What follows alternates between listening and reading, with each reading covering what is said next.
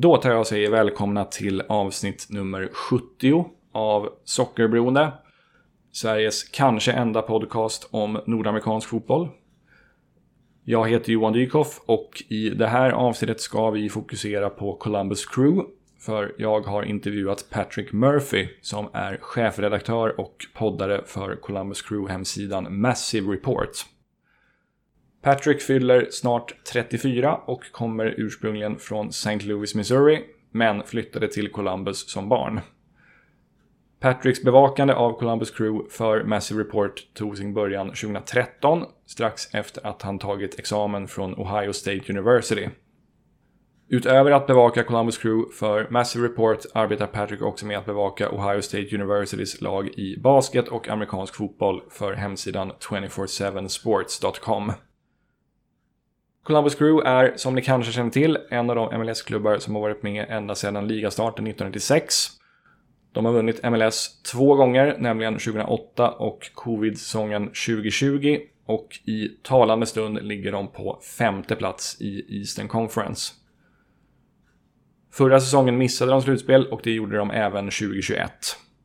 Laget tränas av fransmannen Wilfrid Nancy som plockades in från CF Montreal inför årets säsong. I den här intervjun pratar vi bland annat om svensken Mohamed Saids sejour i Columbus Crew, den oroliga tiden då klubben nästan kom att flytta till Austin, några av de främsta spelarna i Columbus Crews historia samt rivaliteten till FC Cincinnati.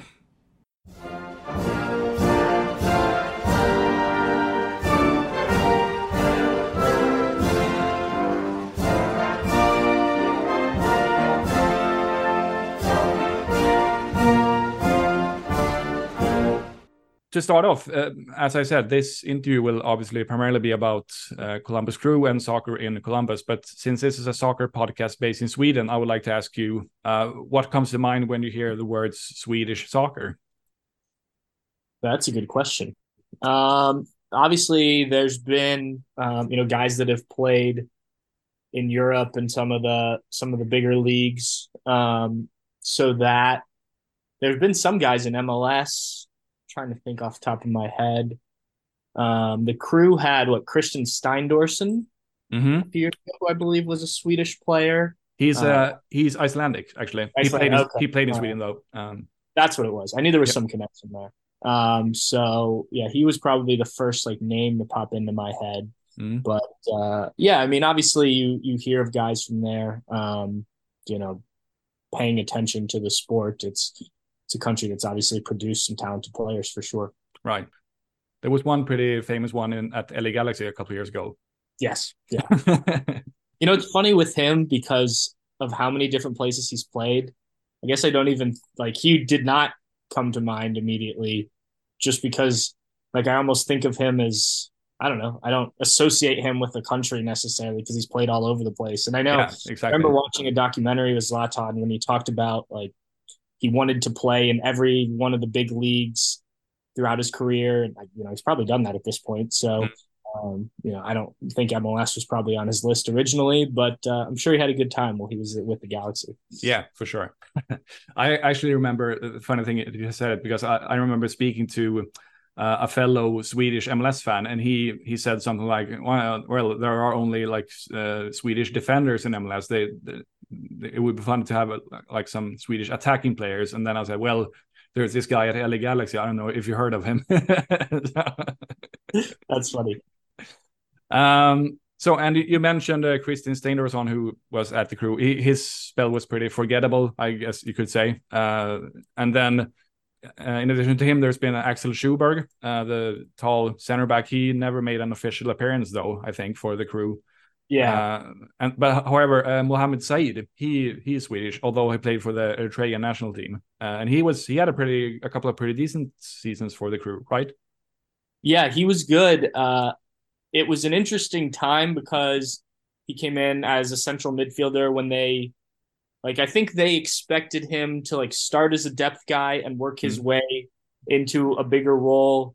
Um, and maybe some other guys just did some things that they didn't expect. But no, he was a he was certainly a useful player. Um, I remember there was a stretch where a couple of the other guys were hurt in in central midfield, and he had a run of games that were really impressive. It was just kind of unfortunate the timing of his addition because of just the already kind of established guys they had on the roster. At that mm-hmm. point, Will Trapp, who was kind of a, a, fan favorite and had sort of worked his way into the national team picture at that point, uh, now is in Minnesota, um, and a couple other guys. So I always liked Mo. He was, you know, in terms of interviewing him, and he, he was really fun to talk to. Mm. Really, just knowledgeable, not just about soccer. Like I felt like anytime you you had a conversation with him, you learned something different. He was just like a wide range of of knowledge and stuff, which which was cool. And good player. Um, he actually still comes up from time to time. Um, it's weird. I think he's just one of those guys that crew fans really liked, even though he didn't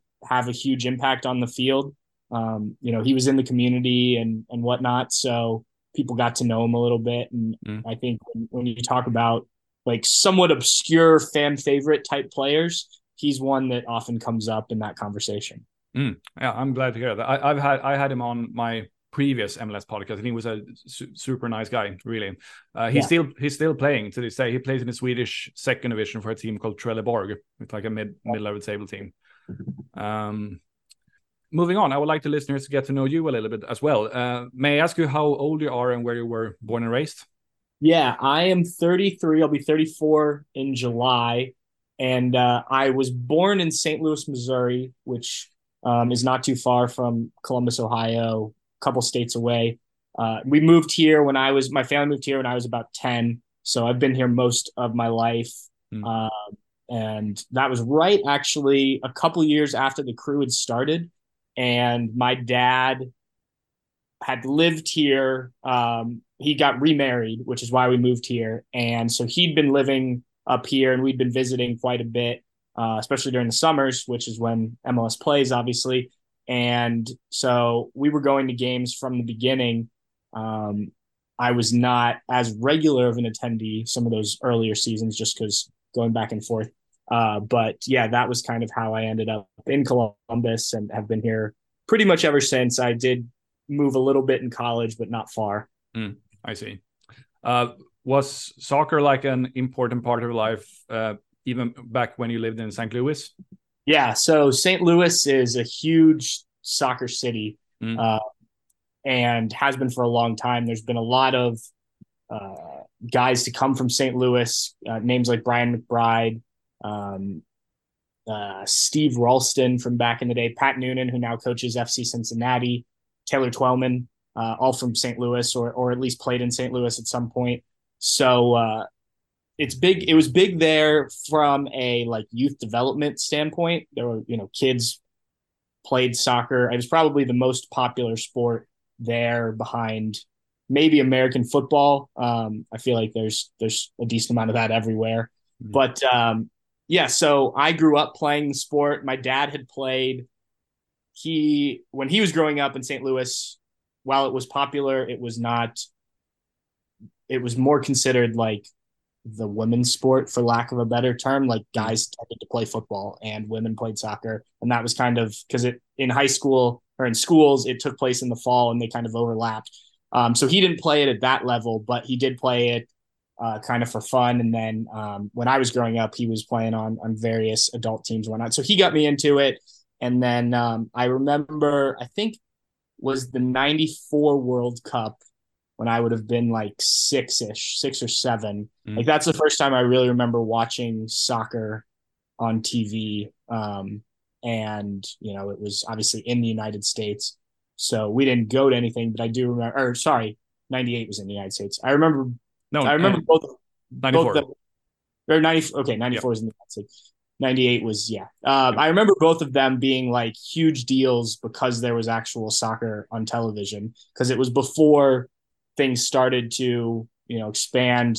That was probably about the time i was 14 15 when we were able to start to get english premier league games and, mm. and it's obviously grown since then. But yeah those two world cups were just like kind of mind-blowing that i knew some of the players names and things like that but i never re- you know it was pre-youtube and there wasn't really the accessibility to it even if you couldn't watch it on tv so it was uh it was like a whole whole different thing. But yeah, I played all through school, um, and then obviously have have I continue to play recreationally, but you know, covering the sport um, and the crew and whatnot has kind of been the the way I've stayed connected with it.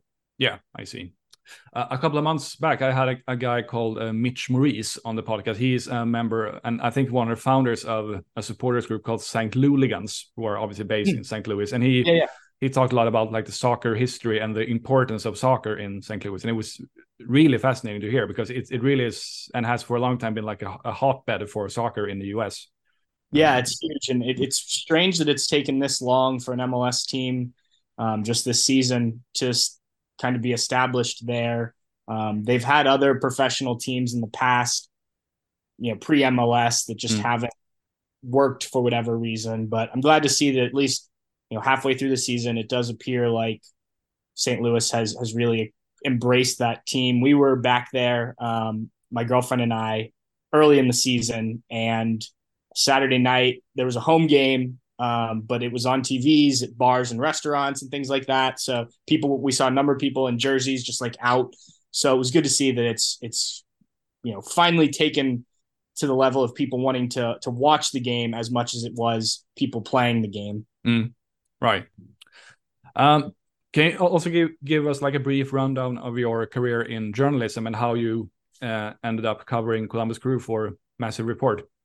Um, so I went to college without a designated uh, career path in mind. I knew mm-hmm. I was a pretty good writer from from high school and um, that I like sports. So there was always in the back of my mind like, okay, this you know, there's a there is a career potentially there in, in sports journalism, uh, but I didn't really I wasn't set on it necessarily. And then uh, my first year in college, I ended up talking to a guy. I went to a very small school my first year, um, and then I transferred. But the I was talking to this guy, um, and he was the editor or the sports editor of the the newspaper, and the newspaper was very small. It was like six or seven people were were staff members, so to speak.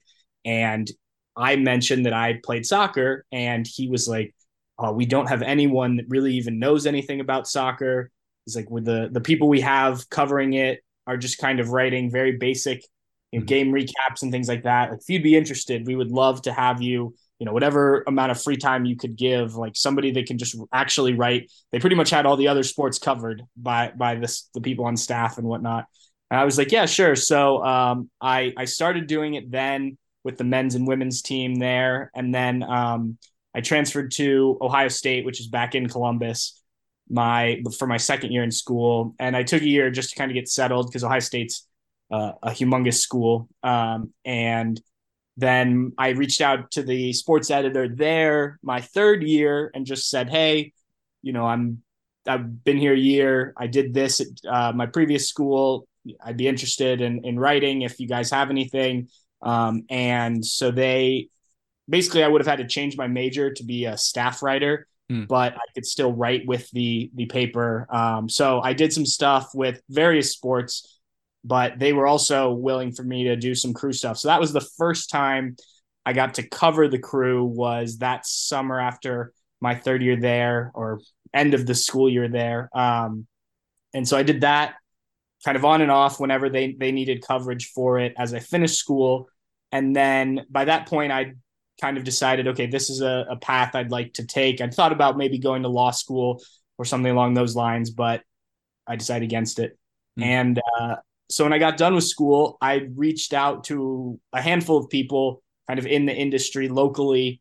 Um, one of them was the then managing editor of Massive Report, the, the SB Nation site, um, and just you know said, "Hey, you know, I'm looking for opportunities um, just to kind of build up my resume and things like that. Uh, here's some of the stuff I've done. I sent him some of the the crew stuff I'd written in college, and he was more than happy to help. I was working a, a retail shop job at the time that had pretty flexible hours, so I was able to kind of provide them with different coverage in terms of going out to practice and things like that that a lot of people couldn't do because they worked, you know, normal hours. Mm. Um, so I think that was an incentive. So that was really how it started. And I think probably a, a good thing um, just to kind of keep me writing and, and whatnot early on. And Um, you know, I've just kind of continued to to have the passion for it.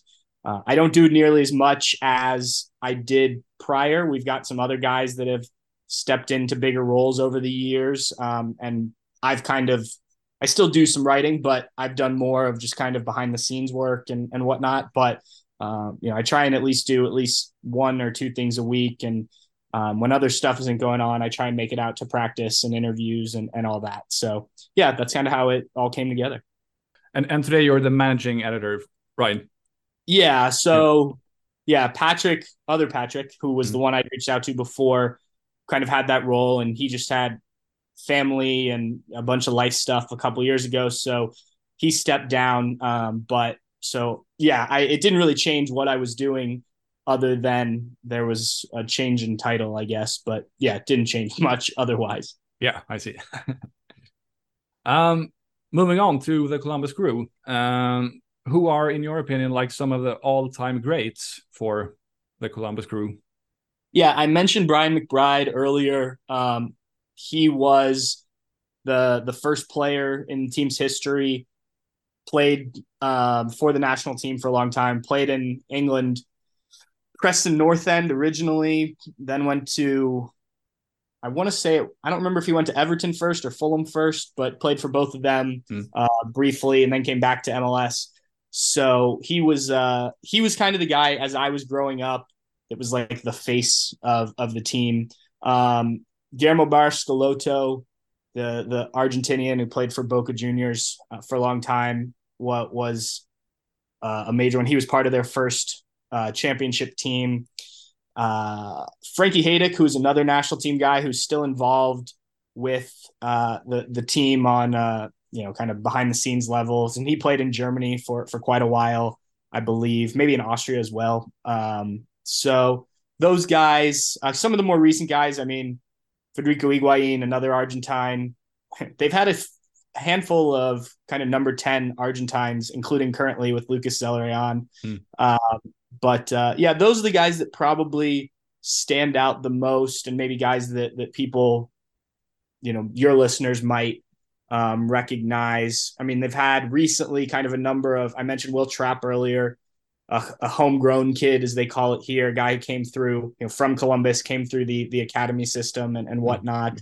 Um, and they've started, MLS in general has really put kind of an emphasis on, you know, academies. They've, they didn't have that for a long time. It was a lot of the college scouting stuff, as I'm sure you're, you're aware. Uh, but the the academies have have grown and, and the crew have actually done really well with kind of developing that they call it the pathway um, from from the the youth teams up. And so there have been a few of those guys that have kind of made their way to, to the first team too that at least like locally have started to become bigger names. But yeah i think those are probably the big ones off the top of my head. Yeah. I remember it because I had um, Sixten Boström, the former assistant coach for the crew, on yeah. maybe like a year ago, um, and I asked him about Federico Higuain, speaking of him, uh, because I remember back then uh, when he was at his best, he was almost like um, like a, playing assistant coach because he he was so active, like directing the, his teammates on, on the pitch and so on. And Sixten told me that yeah yeah that, that was that was like intentionally we we wanted to use him that way because he really understood how the game was supposed to be played and what that. Uh, and because of that, what his teammates needed to do, and so on. So I thought that was I, he is also one of my favorite crew players of all time, definitely. It's funny when he early on when he was here and he spoke very little English. Uh, he took his time getting to learn English while he during his time in, in uh, with the crew. Uh, but the kind of communications director for the team, kind of the media liaison, mm.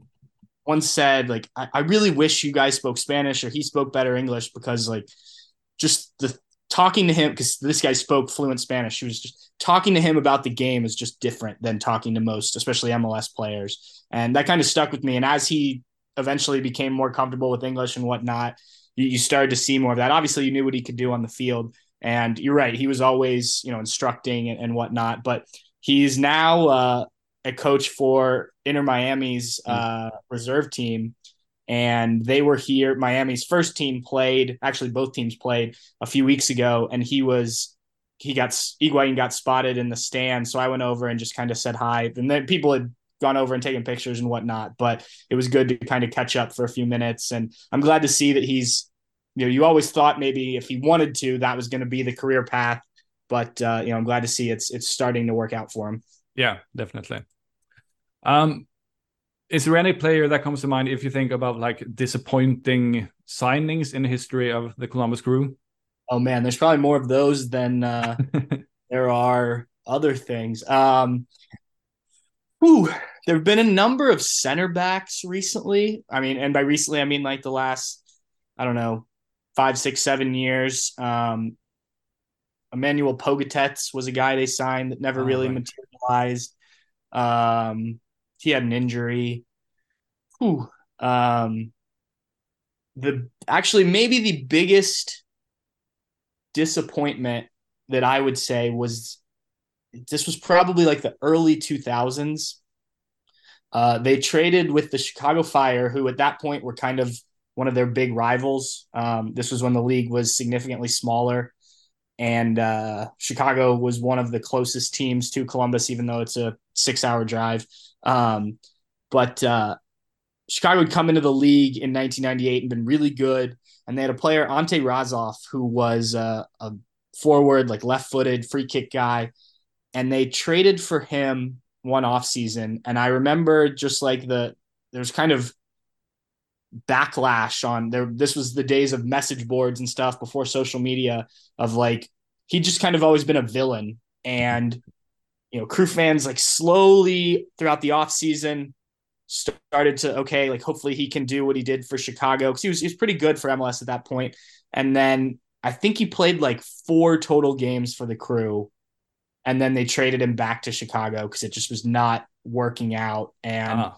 he was kind of a the, the way it's been described to me was he was, for lack of a better term, and without saying anything inappropriate, he was a bit of a jerk in the locker room and so it just didn't didn't work out. And he goes back to Chicago, and I believe he had a pretty good season that year and whatnot. Mm. But and it was around the time when the team had put together a pretty good roster. So it was like, okay, this is a veteran guy. They had some young attackers on the team that he could come in and help, and he just didn't. And uh, so that's probably one. But I mean, we could do a whole podcast probably.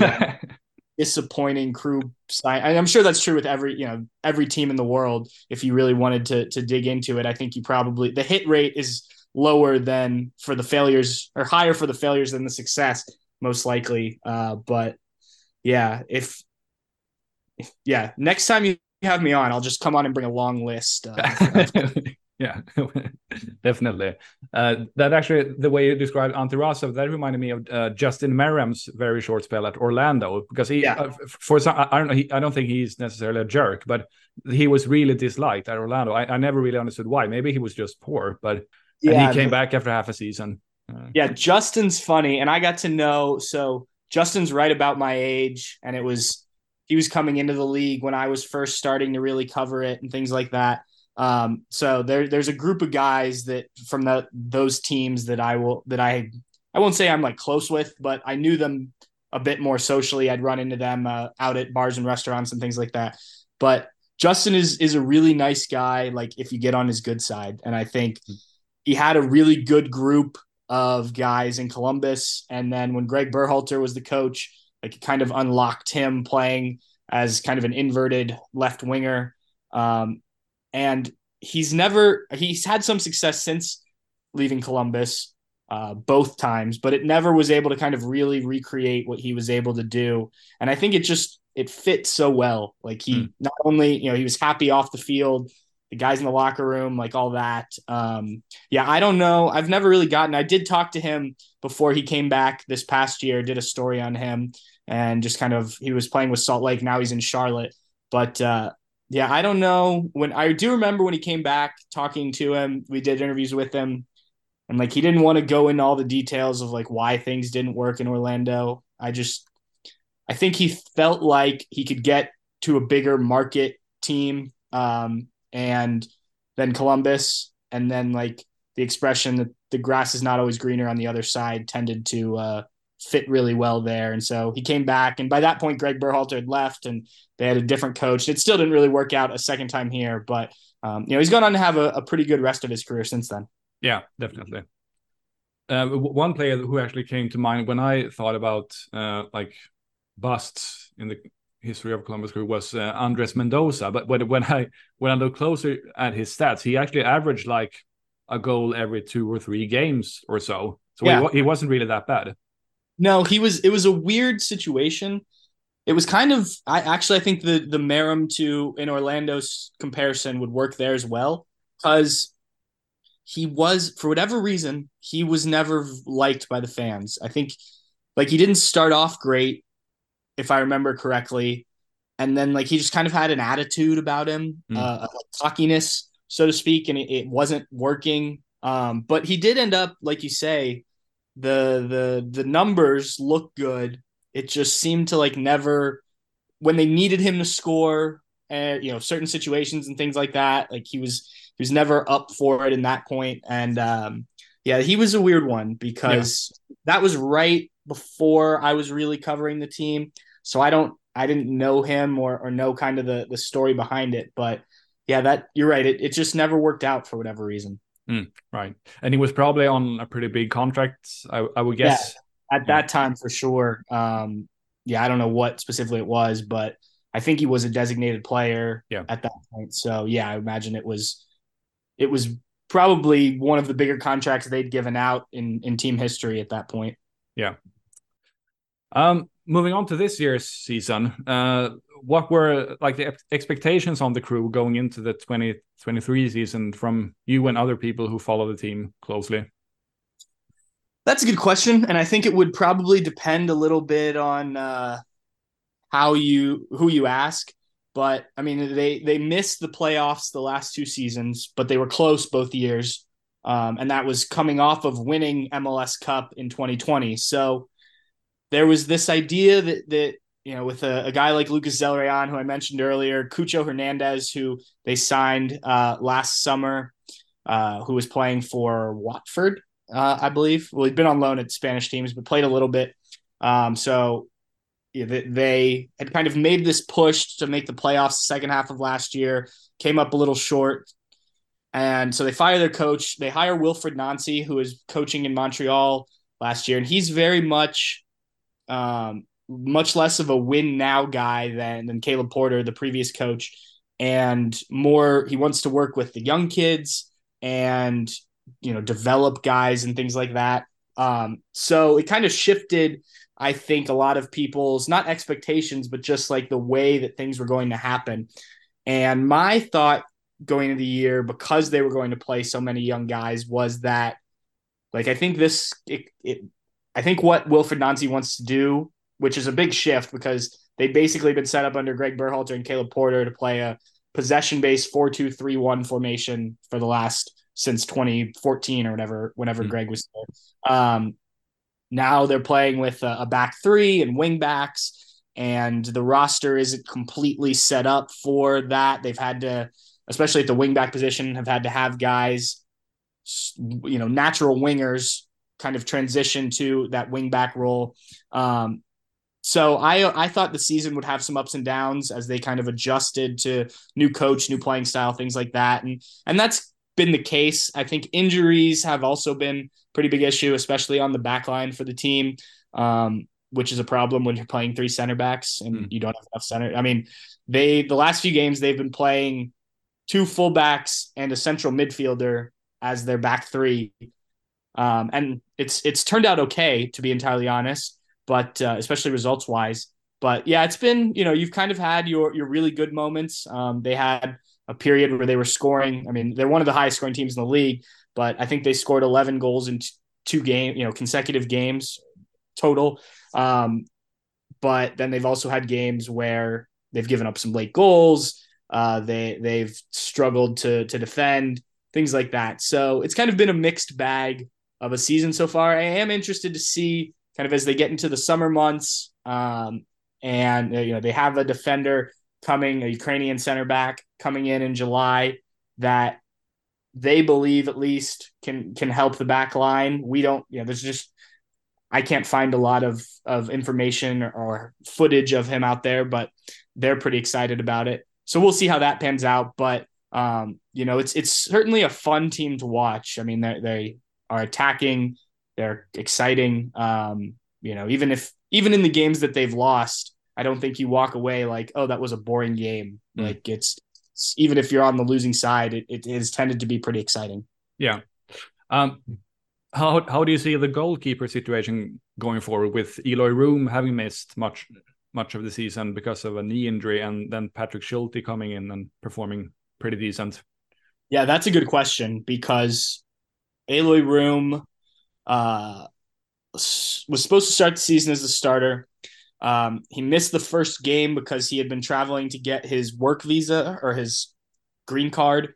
Um, and Patrick Schulte played in that game. And then Room took over the the, the starting job again. Um, and then when he was away on international duty, as you mentioned, got hurt. And he hasn't played since. And he's been kind of in and out of training. And I think that they're just being careful with him, though he did recently. Um, he was with Curacao, went and played two game or played a game there. So Room is on a pretty big contract, especially I think he's the third highest played goalkeeper in MLS. Hmm. And Patrick Schulte, as you mentioned, has played pretty well. Um, so the question I get a lot from crew fans is like, what are they going to do here? You know, do you try and move Eloy Room in the summer? Um, I don't know if there's another MLS team that would want that contract right now. Um, you know, he's an older goal. I mean, he's not old, but especially for a goalkeeper, but he's he's on the the wrong side of thirty, so to speak. And um, you know, he's I think he's a, a very good shot stopper. His distribution is good, not great. So I think the way that Wilfried Nancy's kind of looked at it is you have this young goalkeeper who's playing good enough that you can kind of craft into ultimately what you want, mm. opposed to, you know, and you've kind of been forced into that situation because of the injuries and they haven't had to rush back to Eloy Room because Schulte's played good enough. So I think it's certainly an interesting thing to keep an eye on the rest of the year. You know, I don't know if Eloy Room would be content just kind of being a backup. That was not what he planned on coming into the season hmm. uh, by any means. So yeah, very interesting situation for sure. And uh, yeah, I don't I, I don't have any good answers on how they'll handle it, but mm. um, I, I, do like what Patrick Schulte's been able to give them. It's not all been perfect. There's certainly been some mistakes. I mean, I think his most high profile one was they were playing the the derby match against FC Cincinnati.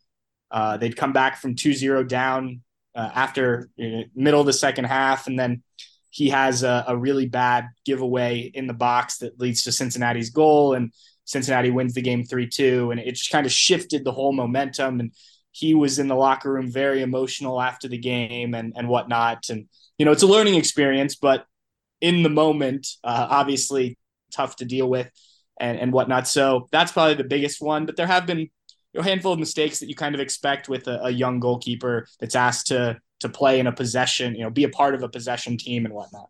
Yeah, definitely. Um, would you say that Lucas Zelarayán is he the team MVP so far?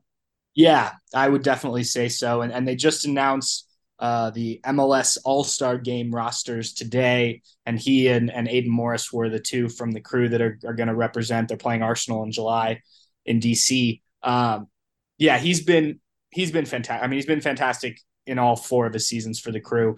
But um, you know, I think I, I mentioned they added Cucho Hernandez last off season or last season, mid season, um, and I think that's really taken a lot of the kind of burden off of of Lucas Zelarayán to just do everything in the attack. Cucho Hernandez isn't your traditional number nine. He's more of the the modern day guy who's going to move around. You know, he doesn't just stand on the penalty spot and wait for service. So Zelarayán doesn't have to create everything. He doesn't have to be all over the field receiving the ball. Um, and I think that's helped a lot in the the attack. Leads the team in goals. Is second with assists. Uh, I think he's one of it's either four or five players in the league that has at least eight goals and seven assists just past the the midpoint of the season.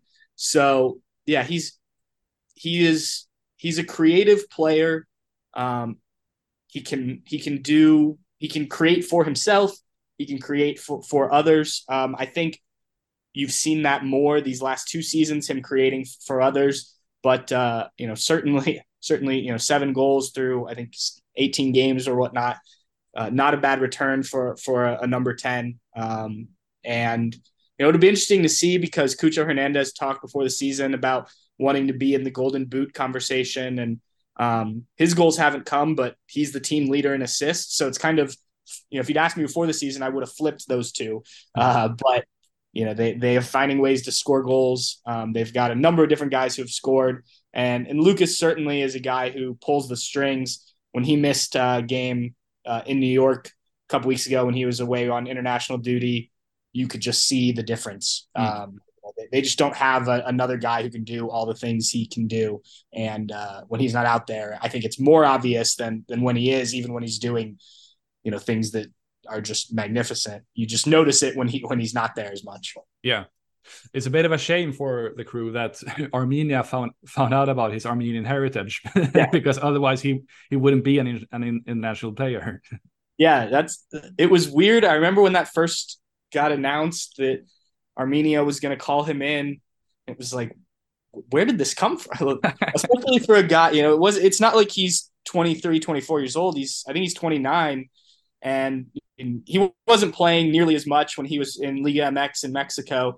Um, but still, you would have thought that they, they would have found him before he's, you know, 27, 28 or whatever he was when he, when he mm. first played for Armenia. But yeah, no, I, I mean, he enjoys it. Uh, I think he's really he's still very much Argentinian. You ask him about Messi uh, coming to MLS. You ask him about the Argentinian national team winning the World Cup. I mean, he he will talk about it.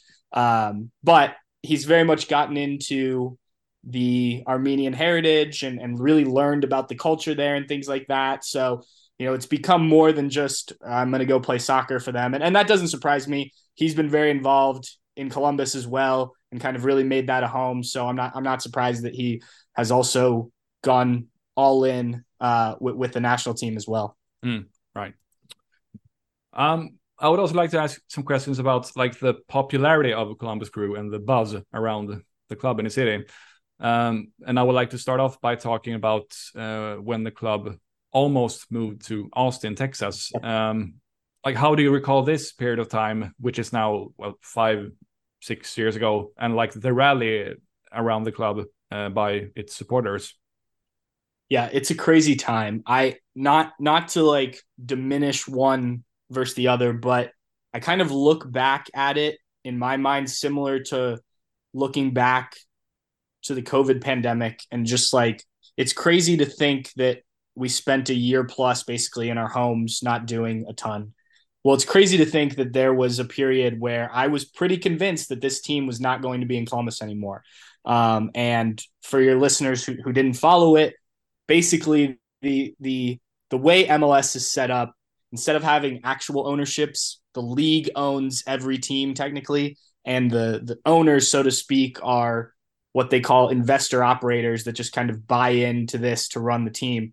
So um, there had been when Anthony Precourt, who was the invest, he was the second person to technically own the team, for lack of a better term. Um, there had been a clause, I guess, in, in his deal that said he would be able to to move the team to Austin if this or that things weren't weren't done or or whatever. I never saw the actual wording of it. And so when that came out and he was considering doing it, it quickly turned him into this major villain and it was impressive to see kind of the community and not just crew fans, but the community from Columbus and you know kind of the soccer community in the United States and even somewhat internationally. I remember seeing uh, you know they called it the Save the Crew movement. I mm-hmm. remember seeing flags at, at various games and and you know stuff on Twitter, people pick, taking pictures outside of uh, you know the the Bernabeu and stuff like that of Save the Crew flags or scarves. Um, but yeah, I mean it was just a really a group of a few people that were like, let's fight for this. This is, you know, that longtime crew fans who this is their lives. Um, you know, this is what they they go to work every day to be able to, you know, go to crew games on Saturdays or watch crew games on Saturdays.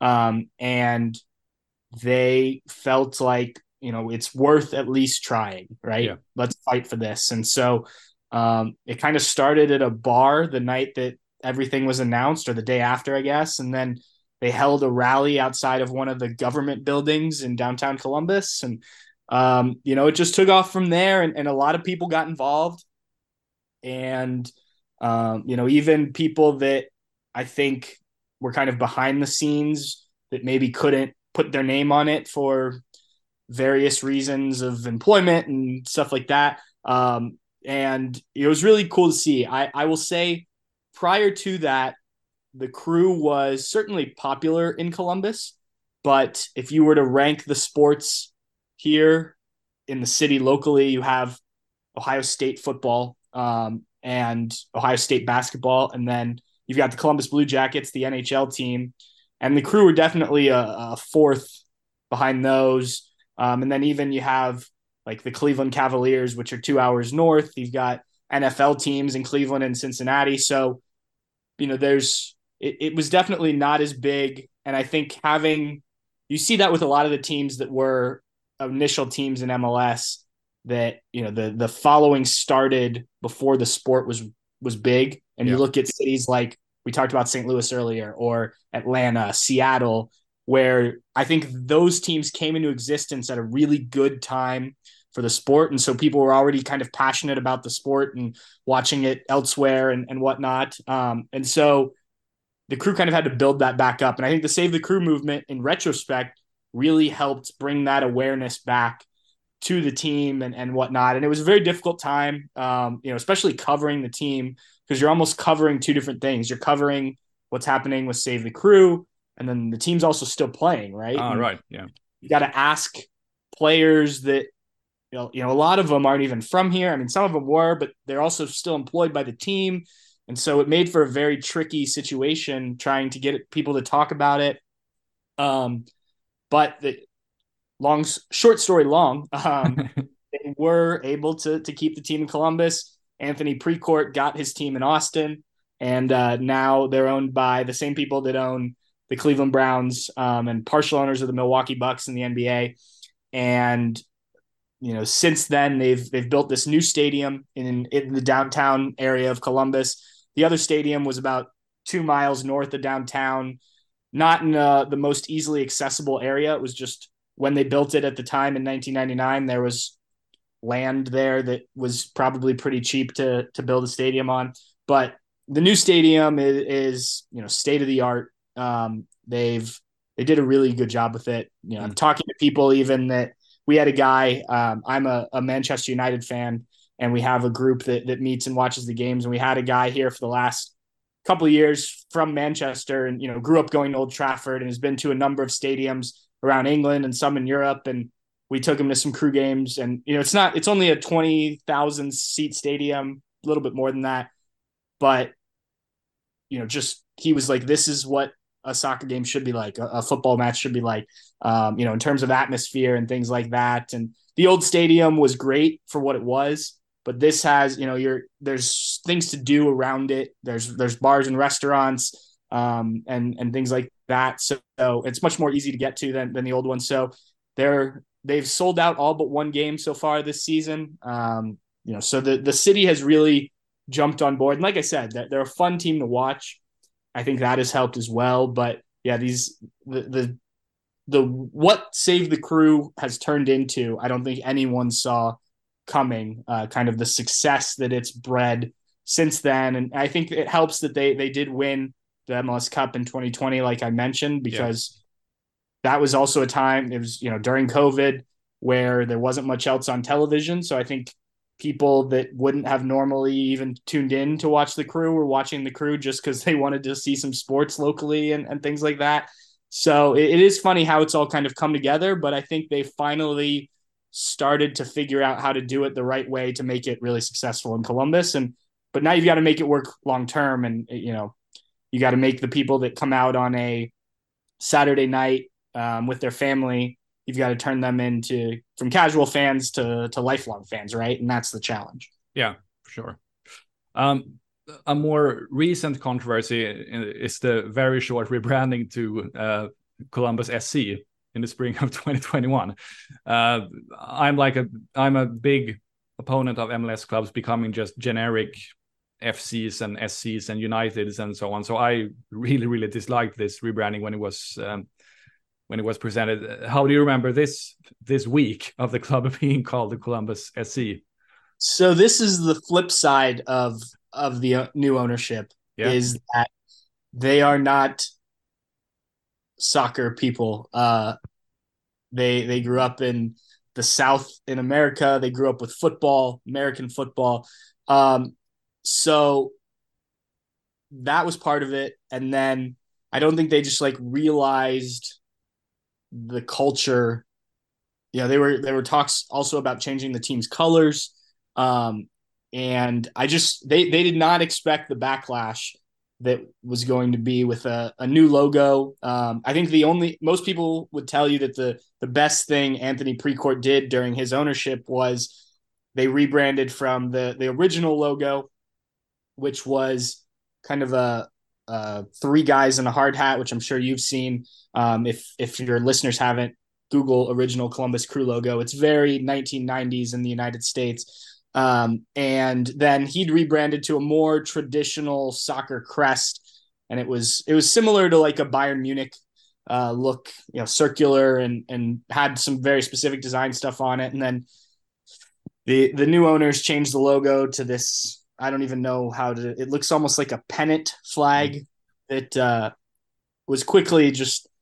I don't. It this it's a C and it just doesn't look good. I've it's grown on me just in terms of seeing it. Like I've gotten used to it, but the whole rebrand for rebrand's sake did not go well. Um, and like you said, it lasted about a week, and they they were basically trying to say that they were taking the crew name away, but not entirely. And the example that kept being used was, well, like Arsenal is the Gunners, like we're still the crew. And I, you know, a lot of people were like, well, that's not really how that works. Like this, I mean, I get what you're saying, but that's a nickname, and this was actually part of the team name. Now you're taking it out, um, and yeah, it it did not go well. So they have somewhat fixed it. The logo is still this this new logo, but they did put the crew back into it and got rid of SC and and whatnot. So it's I don't know. There was a bit of a compromise, I guess, ultimately. Yeah, and wasn't it all? Wasn't that rebranding also supposed to be like a part of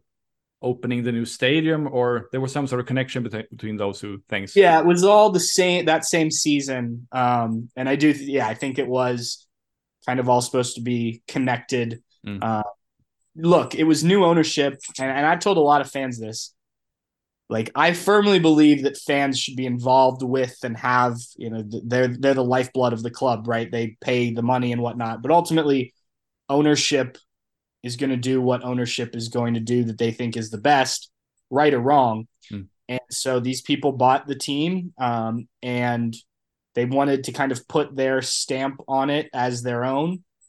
And I think they just probably went a little too far, um, and without realizing what was going to happen, which is silly because the only reason they owned the team uh, was because of the passion the fans have and, and whatnot from the Save the Crew movement. So, um, yeah, I, I think it was a bit of a misstep. And honestly, there are some people that, some crew fans that are not willing to forgive them, uh, you know, for, for some of that stuff.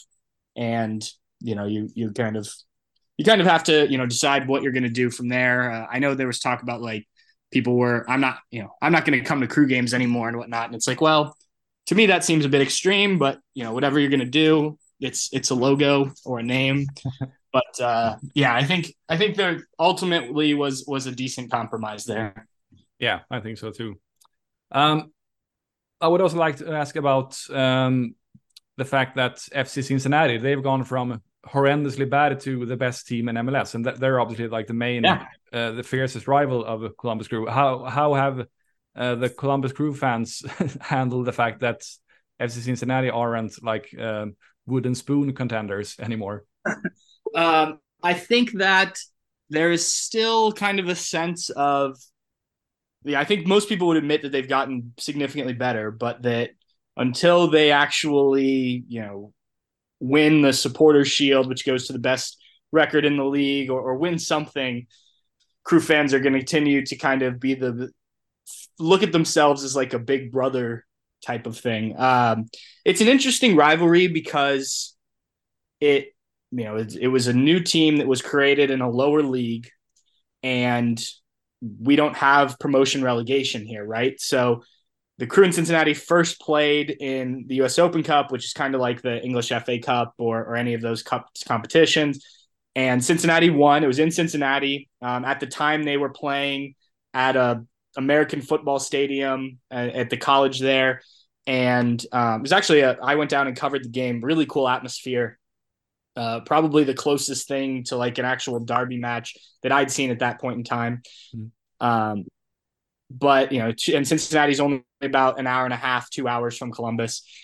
And so that kind of started it. But there was a thought at the time, like, well, you know, they're not going to play each other very often. They're in two different leagues and, and whatnot. And so, but Cincinnati kind of quickly made a move to join MLS, which requires giving a lot of money to MLS basically and having plans for a stadium.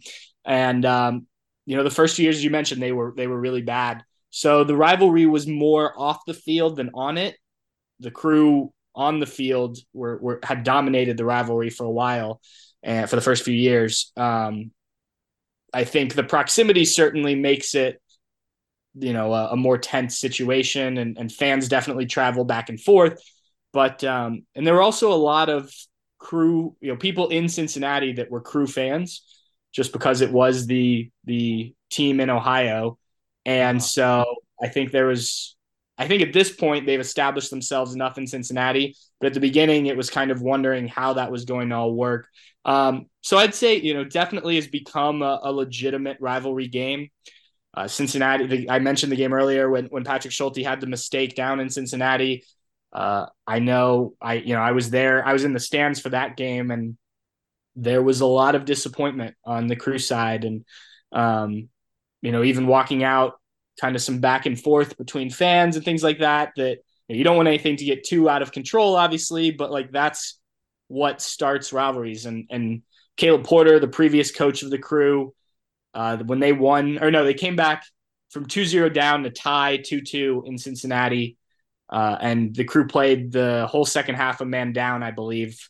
He like shushed the crowd afterwards. So you need like moments like that, right? That that actually make animosity. It can't just be, well, you're two teams that are close to each other and you play each other twice a year, so we'll call you a rival. Uh, mm. That can do that, but you need there needs to be things that actually happen to to make it feel that way and so i think you've started to see that and like you said cincinnati now is kind of holding their own weight in terms of what they do on the field and and that needs to happen too because it, even if the fans are back and forth i think you, you can't just have one team always winning or else it becomes kind of stale uh, i think so um, you know, for the sake of the rivalry, I definitely think it's a good thing that Cincinnati has, has started to compete at a, a significantly higher level.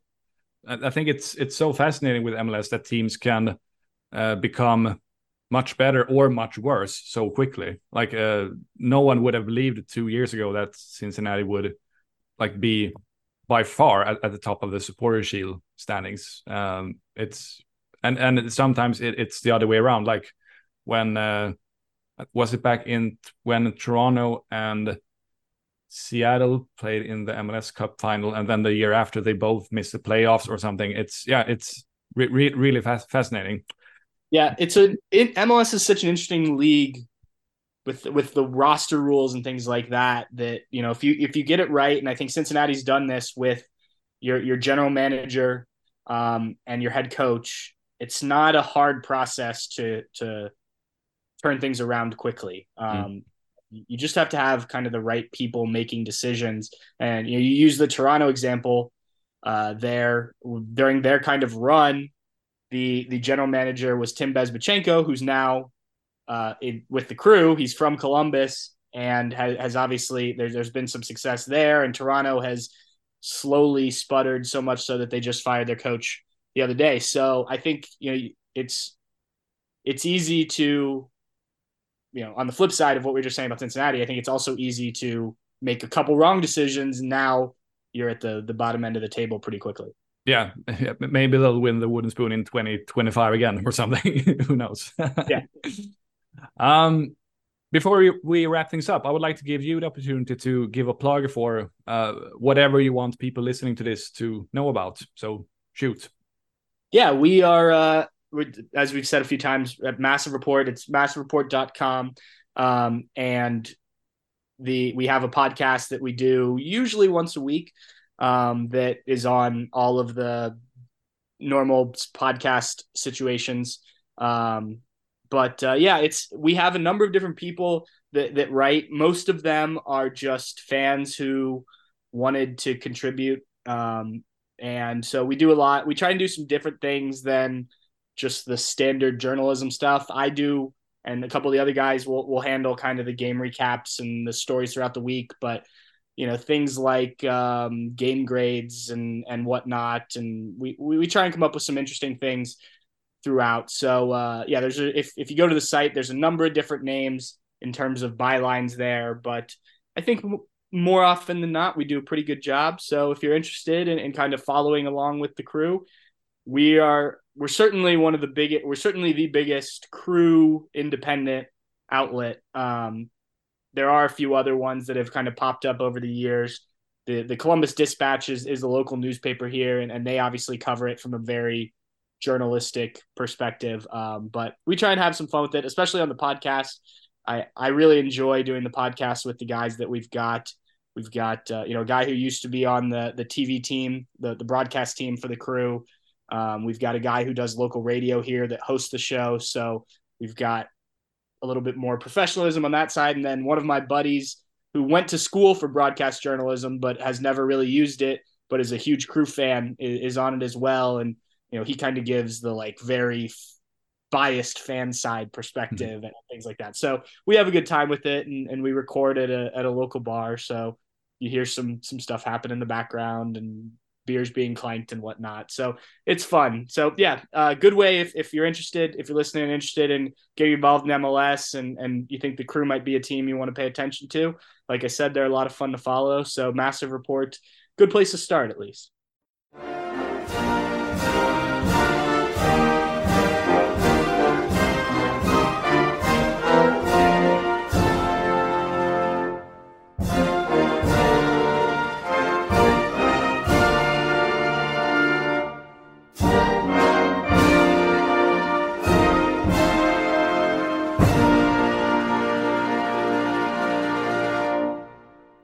Sådär ja, då tar vi och tackar Patrick Murphy för att han tog sig tid att ställa upp på den här intervjun och vi önskar honom allt gott framöver.